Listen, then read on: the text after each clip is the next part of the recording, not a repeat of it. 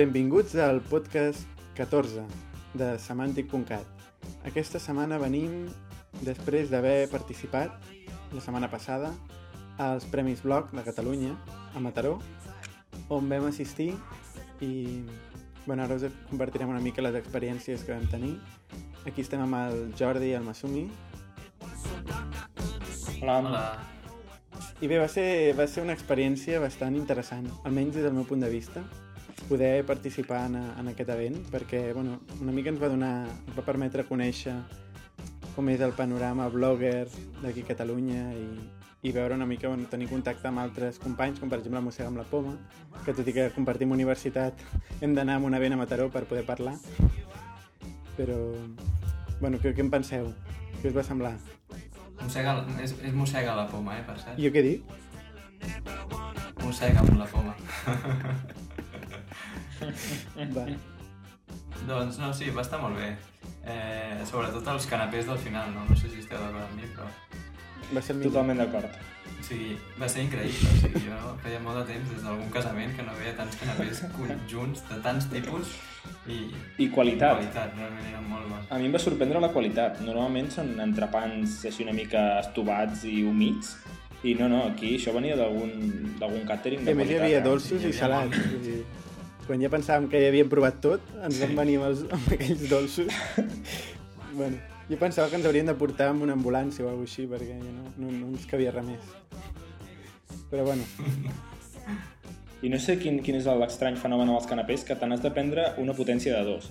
Per tant, comences menjant-te un, dos, després dius, hòstia, ja he d'anar fins a 4, i llavors acabes fotent-te'n com 128, perquè, clar, quan vas pel 70 no tens més remei que arribar fins al segon pas, no? I... jo crec que vaig arribar al molt fotut, 256, però... Sí? Hòstia. ja pot ser, ja m'ho crec. Déu-n'hi-do. No, però l'experiència, bueno, veure el Banac per allà, que volíem fer-nos una foto amb ell, però ens vam ficar nerviosos i al final se'ns va escapar. Però això sí, com a primícia... Sí, és se'ns que... va escapar al lavabo. Exacte, com a primícia és que el Masumi va tenir l'honor de pixar al costat del Banac. Sí, sí. No, Masumi, explica una mica com, com va ser l'experiència. Doncs res, vaig, vaig entrar al lavabo i, i no hi havia ningú més que ell i, bueno, no, no sé, una persona normal, no? I res. No va passar res d'especial. I jo només puc dir que un dels dos no es va rentar les mans i el m'assumís molt net. Bé, no, no sé. No, però l'event en, Jo, sí, sóc molt... l'event en si, l'event en si eh, ara en sèrio, molt interessant. Jo crec que val la pena fer aquest tipus d'iniciatives perquè, bueno, inciten una mica la gent i recompensen sobretot a l'esforç que fa moltíssima gent d'aportar el seu coneixement a, a la xarxa lliurement com una cosa extra, que no és el seu treball, no una obligació de fer-ho, però escriuen blogs interessants que porten i contribueixen realment a la cultura del, del nostre país, no? Nosaltres, clar, nosaltres acabem de començar Eh, i i- tampoc teníem, teníem, vull dir, no, no mereixíem tampoc res en aquell moment, no? Ni pensàvem guanyar, tot i que jo em vaig preparar unes línies boníssim, i es van riure molt de mi els, els companys que teniu aquí, no? Però... Però, bueno, a part d'això també, curiós el fet de que vam seguir mm, tot l'event a través del Twitter. O sigui, estava tota la sala sencera tuitejant, no? Hi havia un hashtag que deia Premis Blog i pues, per allà s'anava comentant tot el que passava, no? Quasi valia més la pena estar seguint a l'iPhone que no pas estar veient el que deien allà a l'escenari, no? Era curiós. I, Sí, era, era, com, era com llegir la ment de les persones. Exacte. No? Era com, com sentir el que pensava la gent en aquell moment. Era, era molt interessant, la veritat. Es va muntar una polèmica bastant considerable perquè el tema de TV3 i Corporació Catalana de Ràdio i Televisió van guanyar com més premis del compte. I si no arriba a ser pel Twitter, ningú, ningú hagués seguit amb el tema. Però com que uns van començar a incitar els altres, es va muntar un pollo bastant, bastant considerable. I, I el tema dels canapés crec que va ser únicament lo de, lo de TV3 i el Bassas i Bueno. tot això. val a dir que qui va començar aquesta... aquesta... Bueno, aquest rumor de TV3 i tal eh, és, un, és un semàntic, del qual no direm el nom, però... va ser el primer en tuitejar que havia vingut una, un autobús de TV3 a, a Premis Blogs. I a partir de llavors va començar a liar i tal. I aquesta setmana, bueno, després, el dia següent i tal, han sortit alguns posts en alguns blogs que van participar, que es queixen, i que alguns no els hi falta raó, no? Perquè, clar, participar al mateix nivell un que escriu com a hobby a un que cobra per això i tal, i separar una mica les categories que siguin corporatives, institucionals, de les que siguin amateurs. sobretot també amb el món dels podcasts això passa molt, no? Perquè totes les ràdios tenen podcast, però no és el mateix un podcast eh, que va néixer com algo amateur que una ràdio, no? bueno, simplement fer aquest comentari. I, i anaves a dir alguna cosa, Jordi? No, anava a dir que com havíem parlat de Twitter i com vam seguir en temps real tot el tema aquest, ja podíem passar al Sí, següent tema no, del dia, no Twitter. Sí. que és la, la, exacte, no Twitter i la, i la API Real Time, que són dues coses que van més juntes del que sembla. M'assumi que és més o menys el, la Real Time API aquesta. començo a parlar una mica del, del Twitter nou, que l'altre dia vam parlar que encara cap dels tres el tenia i avui, 15 dies més tard, més o menys, el tenim els tres, no? Em sembla. Bueno, val a, val a dir que jo fa una hora Sí. que el tinc. Però sí, sí, I ja l'he provat. Bé, de... I què us sembla? Vull dir, a mi, a mi el tema de dreceres de teclat em sembla bastant encertat. O sigui, és bastant còmode. I Sí. m'agrada bastant perquè és com, no sé, el veig com més atractiu i més navegable, més fàcil, tot en general. No sé, què en penseu vosaltres? Jo de navegar pel teclat és bàsic i si això li juntes que totes les fotos i coses així embedides com YouTube i tal ho pots veure a la finestra lateral, només que vagis pujant i baixant amb la J i la K i vagis apretant Enter per veure el tweet, ja ho llegeixes tot. No has d'anar obrint pestanyes que després, a cap d'un quart d'hora, les comences a visitar i ja se t'oblida que havia posat aquella foto. Doncs amb això estem guanyant molt. Per altra banda, cal dir que m'ha patat alguna vegada la cerca i coses així, però bueno, en general... De totes formes, el rotllo còmode. aquest de tenir dues finestres que tenen scrolling diferent és una mica, em recorda una mica iframes d'aquests cutrillos, eh? Bueno, no sé, encara no, no, no he Bueno, utilitzat a suficient com per poder no parlar de, de la usabilitat que té, però bueno, ho estic mirant ara mateix. Mm. No, però Bueno, i també hi, ha, també hi ha el tema de la nova API de Twitter, que fa poc que s'ha obert pels desenvolupadors i que bueno, el que permet és que la, les aplicacions rebin els tuits com si fossin notificacions push, no?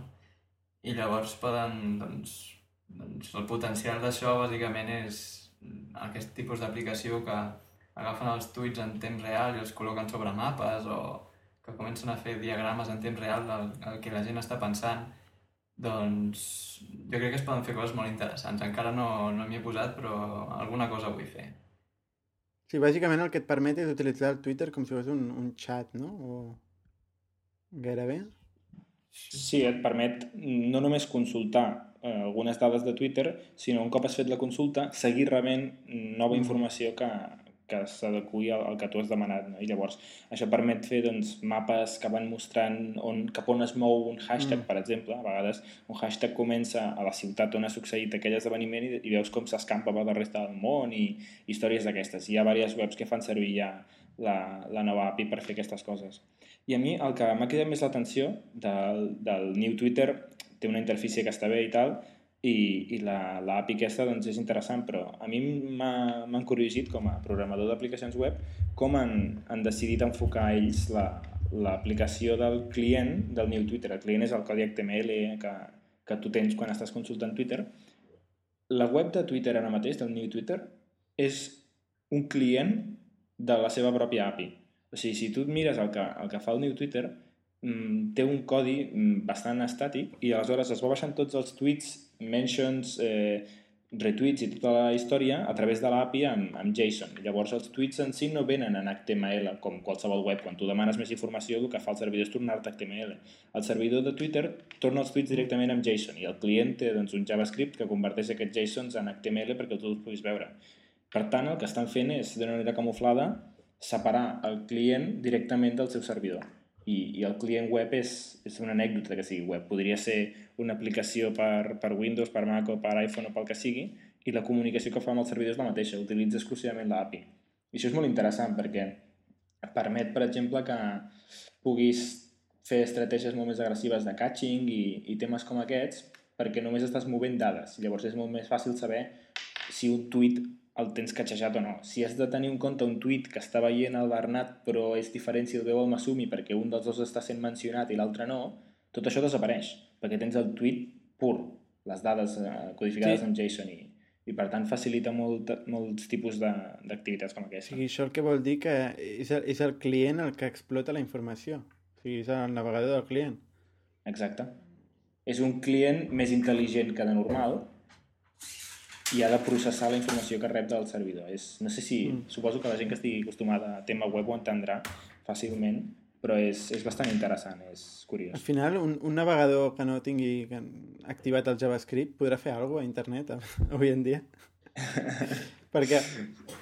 Eh, a vegades costa, eh, de tant en tant... Abans ens deien, no, tens que fer les dues versions, una per si tens JavaScript, l'altra no. Però és que avui en dia... Sí. Per exemple, el, el... Bueno, això... No, que anava a dir el, el, el, el que vam parlar un, una vegada aquí, el LES.js, que és un, un framework per poder utilitzar directament CSS mitjançant un, bueno, un JavaScript que et recrea com un entorn de variables i funcions i tal sobre el propi CSS. Eh, això també utilitza un motor que mm. es basa mm, íntegrament en, en carregar el CSS al client, no? Llavors, eh, sí, sí. dius, si no tens JavaScript és que al final no pots directament accedir a la web. Digues, digues. Mm li dones feina, delegues clar, feina, clar, la treus del servidor i li dones al client. Així, si ets Twitter, doncs pots tenir els servidors una mica més relaxats i per això ho fan, evidentment, no són tontos. A part del que dèiem abans de l'escatx i tot això, també ho fan per treure's feina. Del I això no depèn, no també obliga a tenir màquines una mica més potents? Perquè, clar, amb una màquina una mica antiga o, o depèn quin terminal portàtil i tant... No, no perquè no... Mòbil... No, no, no creguis. Pensa que sempre, comparat amb mirar un vídeo a yeah. YouTube, tot això és un acudit. Vull dir, Eh, convertir un JSON a XML és res. Reproduir un vídeo al YouTube és ja, mortal. Ja. o sigui que segueix, segueix sent molt poca cosa. Mm -hmm. Val. És curiós, realment han canviat, o sigui, canvia totalment l'arquitectura d'una aplicació web i per això mm -hmm. és interessant. Nosaltres, com a programes d'aplicació web, bueno, jo en el meu cas concretament m'ho estic mirant en Lupa perquè potser hem de seguir els mateixos Clar. passos. O sigui que, sí, sí, és curiós. Bueno ja anirem parlant. Sobretot també quan comencem a provar coses com Node.js i tal, amb aplicacions una mica sèries, que ja són... bueno, això és un altre tema, no? Mm -hmm. Això és utilitzar-ho JavaScript al servidor. Però... Bueno, però, però sí. comences a juntar coses, vull dir, totes les peces quadren. Si tu estàs dient que el teu client és prou intel·ligent com per rebre només un JSON, JSON és, és com XML, és un format per codificar dades. Doncs si el teu client és prou intel·ligent com per passejar JSON, tu pots tenir un servidor amb Node.js que l'únic que faci és enviar aquest JSON, ho fa més ràpid perquè ho fa amb un, amb un servidor basat en esdeveniments, mm. no bloquejant, etc etc. Bueno, el, el que es basa en aquest tipus de servidors i per tant pots fer servir, per exemple, comunicacions en temps real i utilitzant notificacions push, de manera que el teu client està sempre al dia, sense haver de fer mai refrescar. I tot això, si uneixes totes les peces, tens doncs, una aplicació com Twitter. O sigui que té sentit, té mm. sentit relacionar-ho. Bueno, i parlant de Twitter, també Facebook és notícia últimament eh, perquè ahir, em sembla que va ser, o ahir o abans d'ahir, va fer l'anunci de, bueno, va, va, va reunir, va fer una, una crida de la premsa per, per informar de que anava a fer una sèrie de canvis, eh, dintre els quals és l'aparició del concepte de grups al Facebook i, bueno, diverses coses, no? També una altra cosa interessant, ara en parlarem amb més detall, però una cosa interessant és que et fa propietari, et dona més noció de propietari de les teves pròpies dades perquè et permet descarregar-te-les. Compte que descarregar-te-les no vol dir que siguin portables aquestes dades. Sigui, tu te les pots descarregar, pots veure d'una forma bastant interessant amb un zip, carregar-te tota la teva informació que tens en el teu graf social, no? Sigui, tota la informació que Facebook té realment relacionada amb tu. Això no vol dir que tu aquella informació després la puguis agafar i puguis passar-ho a una altra xarxa social o que la puguis explotar encara que sigui amb el propi Facebook. Però ja és un pas molt important, no? Perquè des de lo que era Facebook ens queixàvem que era una cosa que, que no tenies mai clar quina, on estava la teva informació i fins a quin punt podies renunciar a ella, eliminar-la i tal. Bueno, és una mica jo, això, si, si em permets, com a total ignorant de Facebook, que l'únic que sé de Facebook és el que parlem en el podcast, o el que parleu vosaltres en el podcast, sembla clarament provocat pel moviment diàspora, no? Sí, és provocat per les crítiques que han tingut... Mm, Facebook ha tingut moltíssimes crítiques per culpa de, del tema de la privacitat. De fet, mm, eh, Zuckerberg, sentia ahir que l'entrevistaven i deia nosaltres ens hem centrat durant molt de temps en el tema de la privacitat, en defensar-lo, intentant explicar-lo i tal, i ens hem oblidat de, pues, de les features, de, de, de tancar-nos i programar noves coses i tal, i ara el que ens hem centrat és a programar noves coses i el tema de privacitat renunciem, vull dir, donem la, molta més llibertat a l'usuari, molta més, molt, molt més poder a l'usuari, no? i, bueno, una de les, de les features d'aquestes que de fet li han dit el lockdown, que vol dir que s'han tancat allà els programadors que han viscut durant un mes o, o no sé quant de temps a, a la pròpia empresa programant aquestes features. I, bueno, una d'elles és dels grups, que jo no els he utilitzat, però m'assumi sí, m'assumi. Saps per què sí, no? bueno, abans de parlar dels grups, això de descarregar el Facebook a, a l'ordinador també ho he llegit, però exactament, o sigui, quin és el concepte? Que, com se't baixa? Tu, tu saps alguna cosa? Sí, o... bueno, jo no... Perquè he llegit que d'aquí poc ho podràs fer, però que encara no es pot, que a partir d'avui comencen a, a deixar-ho això i que la gent ho podrà fer, però jo encara no he trobat el menú això. I... No, per les demos que, que deien, eh, ells et, et baixes un zip, et baixes un zip, amb tota la teva informació mostrada d'una forma molt interessant, per lo que han dit gent que, que ho ha provat. No, jo no he provat, per tant no, no t'ho puc dir com es, com es descarrega tota aquesta informació, no? però t'ho mostren d'una forma intel·ligent, des del punt d'accessibilitat, o sigui, de veure aquesta informació, no des del punt d'explotació de, de la informació. Però bueno... La veritat és que tinc curiositat perquè, perquè la quantitat d'informació que hi ha allà entre comentaris i històries, mm. perquè sigui fàcil de veure, no sé sí, si Sí, sí, és curiós. I el tema grups que deies, el tema grups, bueno, en realitat els grups existien ja, el que passa és que era, sincerament, era una merda. Vull dir, era com un mini Facebook on comentaves, comentaven, comentaves, comentaven i ja està. I de fet tenia un grup, jo vaig, havia fet grups, diversos grups, i no, no donava molt de joc, la gent no hi participava. Però ara amb el grups nou aquest que han fet, han contractat el Justin Schaffer, que és el, és el, eh, bueno, era el jefe de Hot Potato, que Hot Potato precisament estava especialitzat en, en esdeveniments de grups i fer coses d'aquestes. Bueno, era una aplicació web. Sí. I, bueno, han contractat aquest paio i ja han redissenyat des de zero el tema dels grups. Eh, jo me n'he creat un d'aquests dels nous grups i he convidat els meus amics. El concepte és diferent, no els convides, sinó que els fiques directament al grup, encara que no Aquest vulguin, és un problema, si eh? Això, volen desfer, això s'ha criticat molt, eh, també, aquests dies. Bueno. Sí, això s'ha criticat, m'ho imagino, perquè pots fer certes coses molt curioses, però bé. Eh, llavors, pots fer que els grups siguin públics, eh, tancats o secrets, jo me l'he fet secret en aquest cas perquè és un grup d'amics privat que a ningú li importa i també pots fer no, coses noves com eh, crear esdeveniments dins del grup, que això no es podia pots fer xat amb els membres del grup, mm. que això també tampoc es podia i està molt bé perquè era una cosa bàsica i també pots fer el que és edició de documents en grup, que això, bueno, depèn de com pot ser interessant, depèn de com no, però si més no, intenten atacar una mica el Google Docs no, per aquí, però no sé, he trobat que està bastant bé el nou enfoc. Sí. Sí, bueno. Eh, a més diu que és el principi d'una sèrie de noves features, de noves característiques que trauran i bé, falta veure, falta veure una mica com, com, com es traduirà això. També dic que fa poc han presentat una patent relacionada amb el control de, bueno, de tema de geolocalització i, i xarxa social, és a dir, volen ficar de ple amb el tema aquest, una mica per, per imitar la xarxa social Foursquare, que, bueno, jo, jo últimament l'he provat aquí a Barcelona i és curiós perquè veus, bueno, tots els, tots els guiris, tots els americans que estan a la ciutat, els controles on estan, la gent d'aquí utilitza poc, però bueno, és curiós veure el, que el tio que va, que és el mayor, que és l'alcalde, perquè el que més va a un lloc es converteix en l'alcalde d'aquell lloc, no? i comprovar que l'alcalde del kebab del costat de casa meva és el mateix que el que va més al gimnàs de l'altra banda i que resulta que va a la meva universitat és curiós, no? Perquè dir, la poca gent que ho utilitza els identifiques de seguida tot arreu.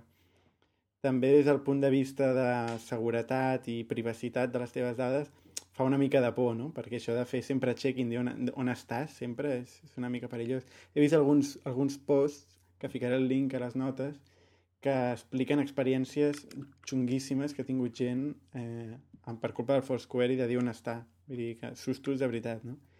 Bueno, es veu que Facebook entrarà aquí. Sí, sí això fa... Fa, fa uns mesos eh, va haver un article molt interessant que es deia Please Rob Me perquè, bueno, era una pàgina de fet que se'n fotia del Foursquare i de com tota la gent deia sempre on estava constantment i quan sí. no estava a casa. Llavors van crear com una, una web damunt de, de Foursquare per dir ara vés a robar aquesta persona que no és a casa. I era com, a veure, no estava fet expressament perquè la gent robés, però era per demostrar una mica el gilipolle que era estat tot el dia dient on estàs, sí. no? I va tenir molta polèmica. Però bueno, s'ha de dir que és, és útil, eh? Vull dir, tu quan... Això que tens la possibilitat aquesta de dir, quan vas a un lloc, què és el millor que fer en aquest lloc? I llavors, clar, quan tu arribes... Quan això realment es porta a l'extrem i molta gent ho utilitza, tu davant, abans d'entrar en un lloc mires què han dit les últimes persones, què és el que més agrada d'aquell lloc, què és el millor plat per demanar, aquestes coses. Home, i tant. Sobretot si estàs a una ciutat com San Francisco Nova York, o, on absolutament tot està documentadíssim. Mm. Sí, sí, realment.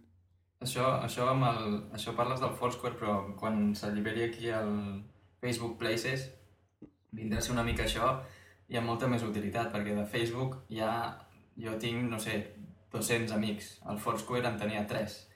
I el que, i el que pugui aportar a la gent, en, sobretot del meu entorn, en els llocs on jo pugui anar, m'interessa més que el que pugui dir qualsevol persona, no? Llavors jo crec que quan el Facebook Places aquest funcioni aquí serà bastant interessant. Uh -huh. Bàsicament perquè podràs veure amics teus que han anat abans en aquell lloc, veure, jo què sé, fotos que han fet, eh, comentaris que han fet, que s'han demanat, coses d'aquestes, mm, pot ser bastant interessant. Sí, sí, exacte. El tema és que al Facebook ja tinc, ja tinc tota la xarxa creada, diguéssim a Foursquare tinc tres persones i per crear aquesta xarxa hauria de convèncer molta gent perquè es fes Foursquare. Clar, és com tot. És el punt... És el, el, el tema de xarxes socials és això, que si no estan els teus amics doncs no, no serveix de res, no? És com abans el Messenger, qui tenia el Messenger i qui, tenia, i qui té l'Skype i qui no sé què, on estiguin els teus amics és on estaràs tu, bàsicament. Sí. També m'agradaria dir a títol personal, vull dir, opinió i tal, que, que això de que Facebook faci una patent eh, per aquest tema em sembla una mica rastrero, eh? Vull dir, em sembla una mica trist. Com això ho utilitzin per bloquejar startups i petites empreses que volen treballar amb el tema de social i, i geolocalització, pues, serà bastant injust, perquè molta gent ha treballat amb això i tampoc s'han dedicat a patentar-ho, no? Però s'ha ficat Facebook i pum, de seguida, primer de tot, ja tret les patents. S'ha criticat bastant això per la xarxa, per el que he llegit jo. Però bueno, veurem... Bueno, la setmana que ve, el divendres, el divendres de la setmana que ve s'estrena La red social. Ah. Eh, és la història, és la peli basada en la història de Mark Zuckerberg. Ah, s'estrena als cinemes espanyols. Uh -huh. eh, no sé... Diuen que no sí, està malament. Sí, molt bé. Bueno, a mi m'agradaria veure, la veritat. Bueno, fa temps que en vam parlar d'aquesta pel·li que s'estava fent i tal, i que que Facebook havia Mm, demanat, sí, havia demanat veure-la per tal, la, la van ensenyar abans de publicar-la i tal, la van ensenyar a Facebook. Facebook va dir que no li agradava i després va publicar. Però bueno, i, aviam, jo crec que val la pena veure la història aquesta en, en format de pel·lícula. I altres novetats, altres novetats, bueno, una petita novetat que passarem ràpid, que és que hi ha el Google Goggles, Google Goggles que vam parlar fa temps, que és això que aquest servei de Google que et permet buscar a partir d'una foto que estava en tots els Androids i ha anat evolucionant, és una cosa que va millorant a mesura que més gent ho va utilitzant. I ara ha sortit també per iPhone. O sigui, el, busca, el Google, l'aplicació de Google per iPhone incorpora el cercador, el Google Goggles i pots provar doncs, de buscar un logo, un monument, una marca, un codi de barres. Fas una foto aquesta aplicació ho perceja i ho busca a la xarxa, no? Jo per el que he provat, eh, Sí, només... poc exacte, però bueno. Digues. Sí, només comentar que, per, que quan et bases l'aplicació de Google has d'activar aquesta opció Sí. a, als settings, perquè per defecte no et ve, que jo he estat una estona buscant-ho i no, no sabia on era. I jo ho he provat eh, amb codis de barres, no m'ha trobat res, i després ho he provat amb, amb un bitllet de 50 euros i me l'ha reconegut, m'ha dit 50 euros, veure imatges de 50 euros. I després ho he provat en altres marques com logos com el de Xbox, el de Sony, i també me'l reconeixia. Vull dir que suposo que dependrà molt de, del que estiguis fotografiant. Sí. Sí, sí.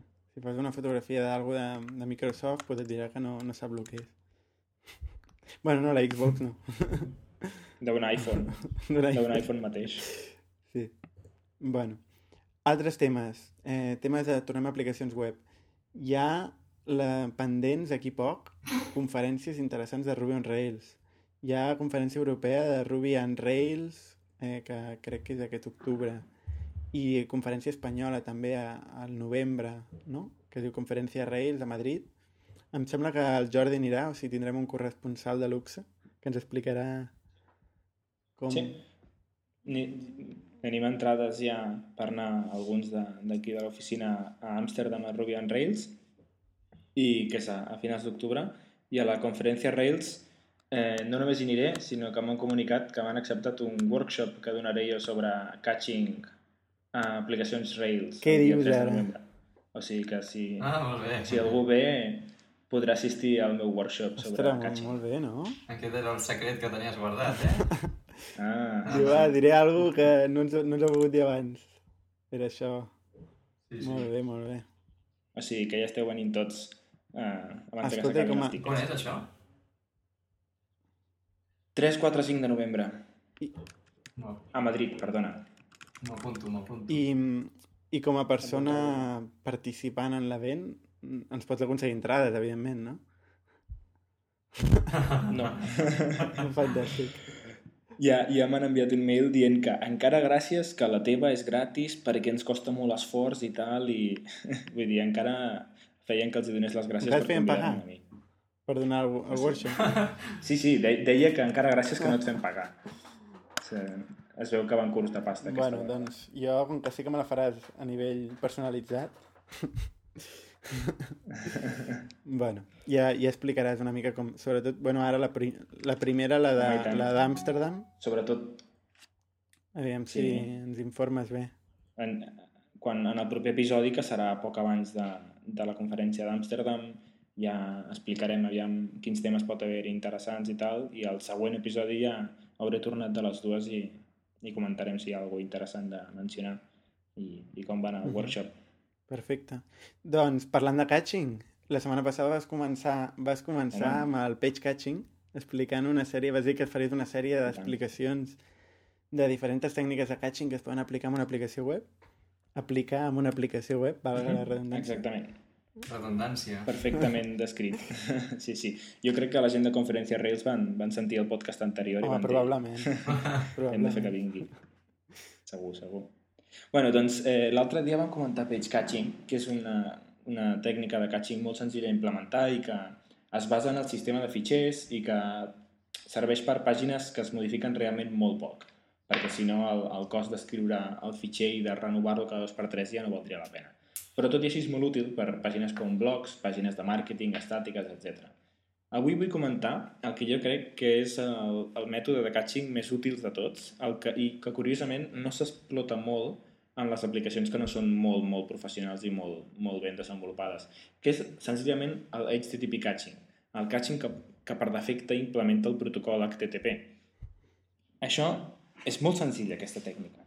I primer us explicaré més o menys en què consisteix, després què és el que la gent creu que, que significa i després com realment es pot explotar. El que, en què es basa aquesta tàctica? Aquesta tècnica és que quan tu serveixes una pàgina com a servidor web, envies unes etiquetes dient aquest contingut que enviaré ara és vàlid durant un minut, 10 minuts o dos anys. Val? Això es, es coneix com a data de, de caducitat i és una etiqueta típica que gairebé totes les eh, respostes d'un servidor web donen. Doncs si això ho utilitzes no deixant els valors per defecte, sinó amb saviesa, dient jo sé que aquesta pàgina segur, segur, segur que durarà 10 minuts, posa-li, perquè tot això que tens guanyat, com després explicarem per què és tan important fer un bon ús de l'HTTP catching. Després hi ha l'altra estratègia, aquesta és la de caducitat, diríem, l'altra és la de validació. Quan tu no saps quan deixarà de ser un contingut vàlid, un contingut vàlid pot durar un segon, perquè tu fas un comentari i una dècima segon després una altra persona fa un comentari a la mateixa pàgina, per tant, t'has carregat la pàgina, l'has de refrescar, o pot ser vàlid durant dècades, si, si és un tema que ningú hi entra i entres a un fòrum de fa anys que, que ningú ha tocat allò, no? I, i segurament encara hi ha, hi ha algú que està recarregant tota aquella informació. Doncs això es fa amb dos camps. Un és dient eh, quina va ser l'última vegada... Sí, perdó, eh, retroceixo un segon. De la primera manera, tu poses una data i aquella data és absoluta. Per tant, sempre que algú vulgui saber una informació d'aquella pàgina, si encara no s'ha caducat, ja no arribes mai al servidor, ja directament fas servir la, la pàgina catxejada. En aquesta altra tàctica, que és la validació, tu l'únic que fas és preguntar-li al servidor «Ei, jo tinc aquesta pàgina que es va modificar per última vegada aquest dia, perquè el servidor ho diu en el primer missatge, i té un hash o una etiqueta o un codi que és aquest. I el servidor, sense haver de crear la pàgina, verifica si Mm. aquelles dades encara són vàlides. Si són vàlides, ha hagut de processar una informació, segurament accedir a una base de dades, però no ha hagut de generar cap contingut. L'únic que respon és sí, això és correcte. I de fet això és un, un missatge HTTP que és el 304 not modified. Val? El servidor web realment està generant aquí una resposta, però una resposta de molt pocs bytes i molt poc costosa de, Però, bueno, la, la, processar. perdó, Aleshores, perdona una tot cosa. aquest rotllo... És que tant, la tant, resposta digues. pot ser que no sigui costosa, però si necessita fer una query a la base de dades, que és una mica complicada, el temps en respondre eh, pot... Clar, però imagina't una aplicació web, no sé, dic jo, de tasques i projectes i coses, eh? eh I llavors tu dius, jo vull veure la pàgina d'aquesta tasca. I tu saps que la Ah, pàgina d'aquella tasca serà la mateixa que l'última vegada si ningú ha afegit un comentari en aquesta tasca. Mm. Val? Fer aquesta query a la base de dades doncs és una query que triga pocs mil·lisegons. Quan tu dius, vale, l'he de generar, no només has de fer això, sinó has de buscar la tasca, el projecte, la gent que hi ha en el projecte, tots els comentaris de la tasca, la barra lateral, saps? Has de tornar a generar tot de contingut que no té res a veure amb només aquella query. Per tant, estàs comparant una query amb 50 i a més a més generar l'HTML, que això Ja, també és costós. Per tant, realment hi ha un I en guany comptes molt d'això carrega la, una versió Però- catxejada molt, que està on? No, no carrega res. Respon un numeret que és 304. I aleshores la caché, sigui quina sigui, que ara explicaré què, què és això, decideix què passa. Però el servidor no respon res. L'únic que respon és un numeret. Diu 304, jo no he de fer res perquè tu ja ho tens Mhm. tot. Val? Aleshores, què, què, com funciona el, el, el, el catch en, en un sistema web client-servidor? Doncs la més immediata i la que tothom pot entendre és que el teu navegador té una catch. Quan tu obres el teu navegador, obres una pàgina, el servidor et respon amb tots aquests codis i etiquetes que hem comentat, tornes a demanar la mateixa pàgina, el servidor diu, ei, si tu ja la tens aquesta. I per tant, ell no te la torna, tu ja la tens. Val? Això és útil perquè jo, com a una persona que estic consultant una pàgina, només he hagut de fer la, la sol·licitud una vegada en comptes de 3 o 4. Però tot i així, el, guany aquí no és molt important. On l'HTTP catching guanya una importància tremenda és quan poses un software, per exemple, Varnish o Squid. Això són unes capes que es posen en el servidor web i que és un, un proxy, de fet. Que el que fa és rebre totes les peticions i té un emmagatzament que acostuma a ser en memòria o en disc o les dues coses alhora, depèn de la capacitat del servidor, i és una catch global per tots els usuaris. Per tant, significa que si jo faig una request, el servidor la reconstrueix, posa les etiquetes i després arriba a Masumi, fa la mateixa request, directament eh, el meu entorn Ruby, Rails, Python o el que sigui no ha de fer res, perquè el Varnish que està entremig, que és rapidíssim, perquè està programat en C i no sap res de base de dades, simplement té unes, unes claus immediates que diu, ei, això ja ho tens, i torna el contingut que té emmagatzemat en memòria. Per tant, ni bases de dades ni punyetes d'aquestes s'han d'executar. Aleshores, això també pot significar que si tens una infraestructura gran, pots tenir un servidor o varis que es dediquen només a fer això, la capa del Varnish o Squid, i després uns altres que fan lo de Ruby on Rails. I depenent de com vagi el nivell de càrrega, augmentes una capa o l'altra. Però estàs traient-li una quantitat de feina al servidor d'aplicacions real, que vindria a ser els servidors Rails o Python o, o el que sigui, que, o ACP, que estan servint les pàgines, brutal. I per tant, si tu fas servir bé les etiquetes aquestes de last modified at o el que es coneix com etag dins d'una aplicació que respon a, a requests HTTP, pots aconseguir uns guanys brutals. I això s'explota poc i la persona que jo conec, que, bueno, no conec personalment, però que, que sé que està intentant pregonar aquest tema, és el Ryan Tomeico, que va treballar a Heroku i ara GitHub. actualment treballa a GitHub. Ell ha creat eh, llibreries Rackcatch que es dediquen a fer exactament això per aplicacions web Ruby i va implementar aquest tema a Heroku doncs aquesta persona té una explicació brutal de com funciona tot això amb un enllaç que us posarem i que si us interessa mínimament el tema d'aplicacions web és d'obligatòria lectura perquè realment és molt interessant i s'aprèn perfectament, tinguis idea mm. o no.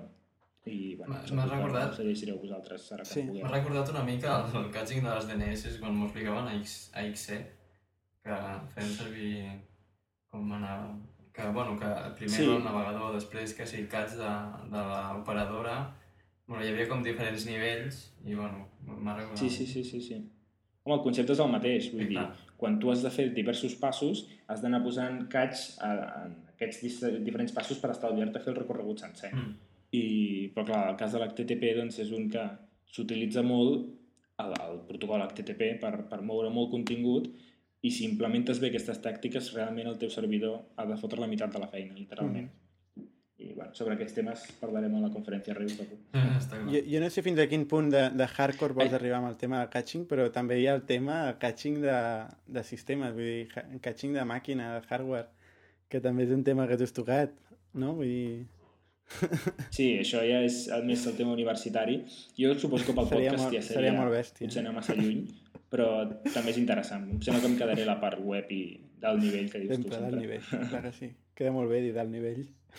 Doncs m'acabo de recordar un, un tema, l'HTTP Catching, ara vosaltres dos, com a programadors de Rails que sou, eh, esteu pensant, sí, sí, molt interessant, però jo demà seguiré fent la meva aplicació i no li faré ni cas perquè no penso instal·lar Varnish i tal. I jo et diré, t'equivoques tremendament, que és el que dic sempre. perquè si vols fer deploy a Heroku, que és un, un allotjament del qual n'hem parlat abans, que és gratuït o de pagament, depèn del que vulguis, etc, té implementat Varnish. I tu, posant tres línies de codi, pots obtenir el benefici de, de tot aquest super proxy, aquest sistema d'emmagatzament en memòria sofisticadíssim per res, molt poc esforç. I ho vaig provar l'altre dia. I vaig Notes molt la I diferència o què? Heroku té Varnish implementat acollonant, vull dir, el teu servidor de sobte deixa de fer coses si implementes bé les etiquetes. Però, o sigui, si ho fas bé i aviam, sempre tard o d'hora de fer coses, però redueixes la, la càrrega en un nivell brutal, però brutal. Val la pena. S'haurà de tenir en compte. És, val la pena, sí, Sí, és que això és lo típic, no? Fins... Tu fas, vas fent aplicacions que utilitzen relativament pocs usuaris i tal, i el tema del catching el deixes allà penjat, no? Fas catching de coses que, bueno, les webs, de... o sigui, les pàgines estàtiques i tal, això evidentment ho catxeges, però així tant a nivell de, bueno, això, HTTP catching, jo no ho havia sentit en ma vida, no? Però, Doncs, és un exemple. Tu saps programar, ets, ets enginyer i, i saps programar en Rails i saps, coneixes molts tipus de catching. Però aquest, curiosament, no és molt, molt popular, a no ser a la gent que es dedica només a això, evidentment, que llavors són uns màquines del tema. Però jo el que vull dir és que qualsevol programador de Rails ha de saber això i ho ha d'explotar. Perquè Heroku és gratuït i Heroku ho fa servir molta gent. Vull dir, Semantic està... el wiki de Heroku. Semantic està a Bueno, Heroku. això és una mica... No, de fet, Semantic comença a estar a Heroku, però encara no la versió oficial, sinó la que jo estic eh, destrossant a mitges. O sigui que Semantic estarà a Heroku d'aquí Vale. pocs dies. O sigui que tot està a Heroku. Sí, de moment està l'Inode, no? Uh, um... Sí, de moment està en un servidor virtual, però servidor Mhm. al cap i a la fi. Però és un candidat perfecte Sí, per anar sí, a sí. Heroku. Ai, sí, jo ho he dit per anar Sí, sí, a és Heroku. un... Jo crec que val la pena. I, I bueno, altres... Jo crec que ja, amb, amb Hem això donat- ja deixem el tema Sí. catching tancat. Bueno, hem donat prou la tabarra. Així, abans de tancar la, el guió d'avui que tenim, eh, també comentar que fa, fa res, fa com una hora, he rebut un mail del Partit Pirata de Catalunya que obria les seves candidatures a... Ai, les seves candidatures, o sigui, els seus formularis per si algú vol registrar-se com a militant i tal. I bueno, és un partit que sembla que promet, no sé, falta veure una mica bé el seu, el seu programa, no?, què proposen i tal. Però bueno, en un moment en què l'ESGAE eh, està guanyant, cada vegada té més força i tal, i, i que el tema de compartició d'informació eh, està passant està passant els seus pitjors moments, no? perquè estan tancant pues, moltes pàgines no? de, de Pirate Bay, també ara està sofrint un, un, un, acos, un assetjament judicial i tal. Bueno, mm, crec que estaria, està bé mirar-s'ho, no? perquè és una manera pues, de, de, abans que quedar-se a casa i no votar, pues, almenys votar iniciatives així, pues, jo crec que pot, pot valer la pena. No sé.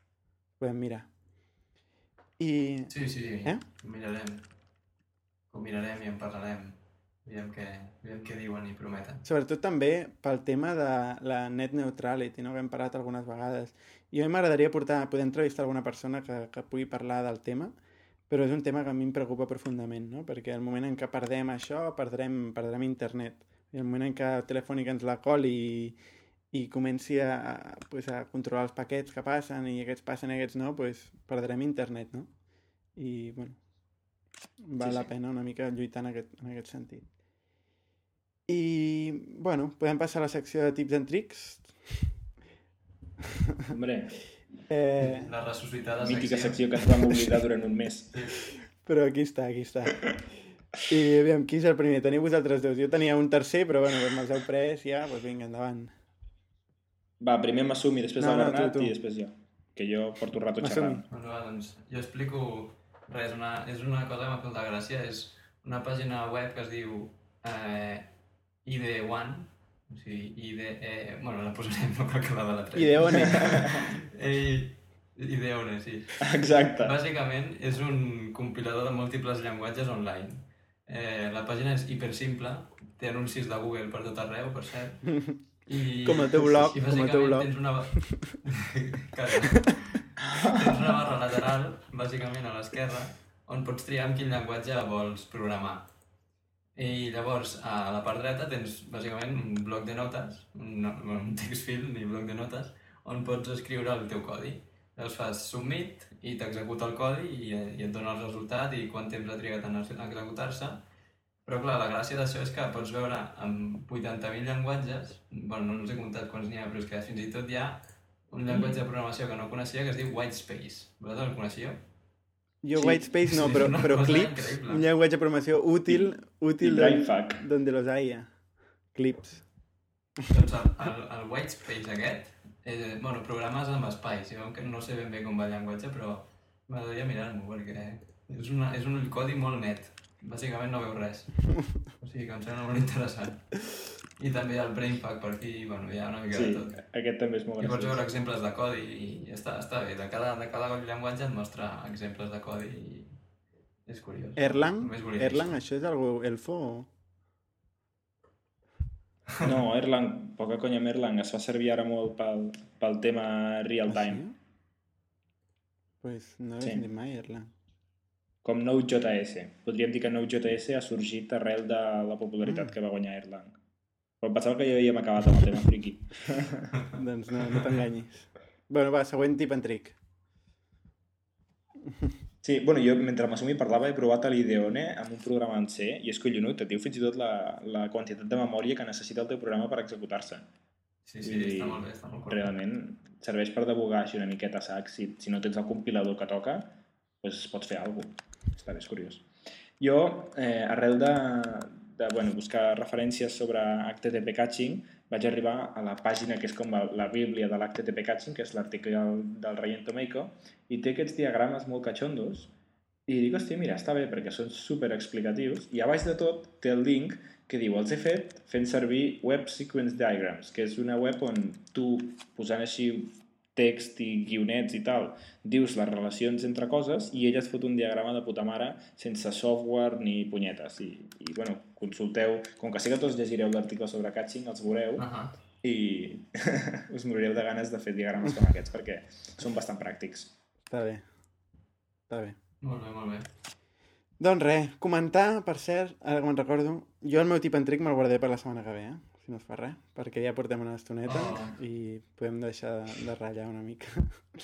No, jo volia comentar que eh, un contribuïdor, el, el Xavi Bars, va escriure a la setmana passada al nostre podcast comentant-me que el que, comen- el que deia de, dels dominis .co que eren uns, uns dominis que han aparegut fa poc i tal, eh, i que era mm, un, com un diminutiu de company, en realitat no era així. O sigui, si, si llegiu la web de Semantic veureu el seu comentari i té, tota la raó del món, sinó que mm, el .co és un CCTLD, o sigui, és un, és un, un TLD, un domini de, de país, de Colòmbia concretament, però que es va liberalitzar fa poc i està obert al, al, pues, al mercat comercial, no? Llavors, clar, el que em va passar a mi és que jo vaig a diversos registres, diverses pàgines que venen dominis, i, i vaig veure un, un parell o tres de vegades que oferien el .co com a nou domini i l'oferien per les companies, no? Deien, aquest és el veritable domini per les companies, és el que vaig comentar. I en realitat pues, no és de les companies ni és un domini de, de país, no? Que simplement s'ha liberalitzat, com ha passat amb altres dominis com el .me, que s'utilitza també molt, que és a Montenegro en realitat, o ho comentava ell no? en el seu comentari, o el .tv, que, que és un domini que sembla de mídia i en realitat és d'illes Illes Tuvalu, no? o Sí, sí. .fm, aquest. .fm de Micronèsia. A mi em fa molta gràcia. Un molt important com el punt .it, que és d'Itàlia, evidentment, però clar, als americans i als angloparlants els encanta, perquè poden fer jocs de paraules amb el it, com a... Ah, però Com el això. punt it, el punt it no sé si el poden webs. utilitzar, eh? No sé si està liberalitzat. Sí, sí, hi ha, mil, hi ha mil webs que no tenen a veure que, que fan servir el domini I punit. és que realment no, no sé, no sé com funciona web. això de la regulació dels dominis regionals de país, vull dir, no sé qui, fins a quin punt té competència l'entitat que ho gestiona i pot prohibir amb una, amb una empresa si no, no sé, això és una cosa que, que investigaré. Ja en parlaré al pròxim episodi. I bé, podem deixar-ho aquí. Eh, recordeu-vos de seguir-nos escrivint comentaris d'escriure'ns e-mails podcast arroba semàntic.cat al Twitter nostre que és twitter.com barra semànticpodcast i em deixo alguna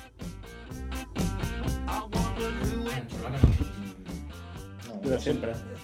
Ja us ho Sí, sabeu. de la web, eh, el Jordi està fent refactoring, refactoring hardcore de la web i està canviant, bueno, coses que estaven fetes així una mica mm, ràpid perquè tampoc hi ha temps, s'estan arreglant una mica i fent-les de la Railsway i de, i de la Ruby Way. O sigui que, bueno, podrà veure l'aplicació de Semantic com una aplicació d'exemple per algú que, que estigui començant o alguna cosa intenció. Molt bé, doncs fins la setmana que ve.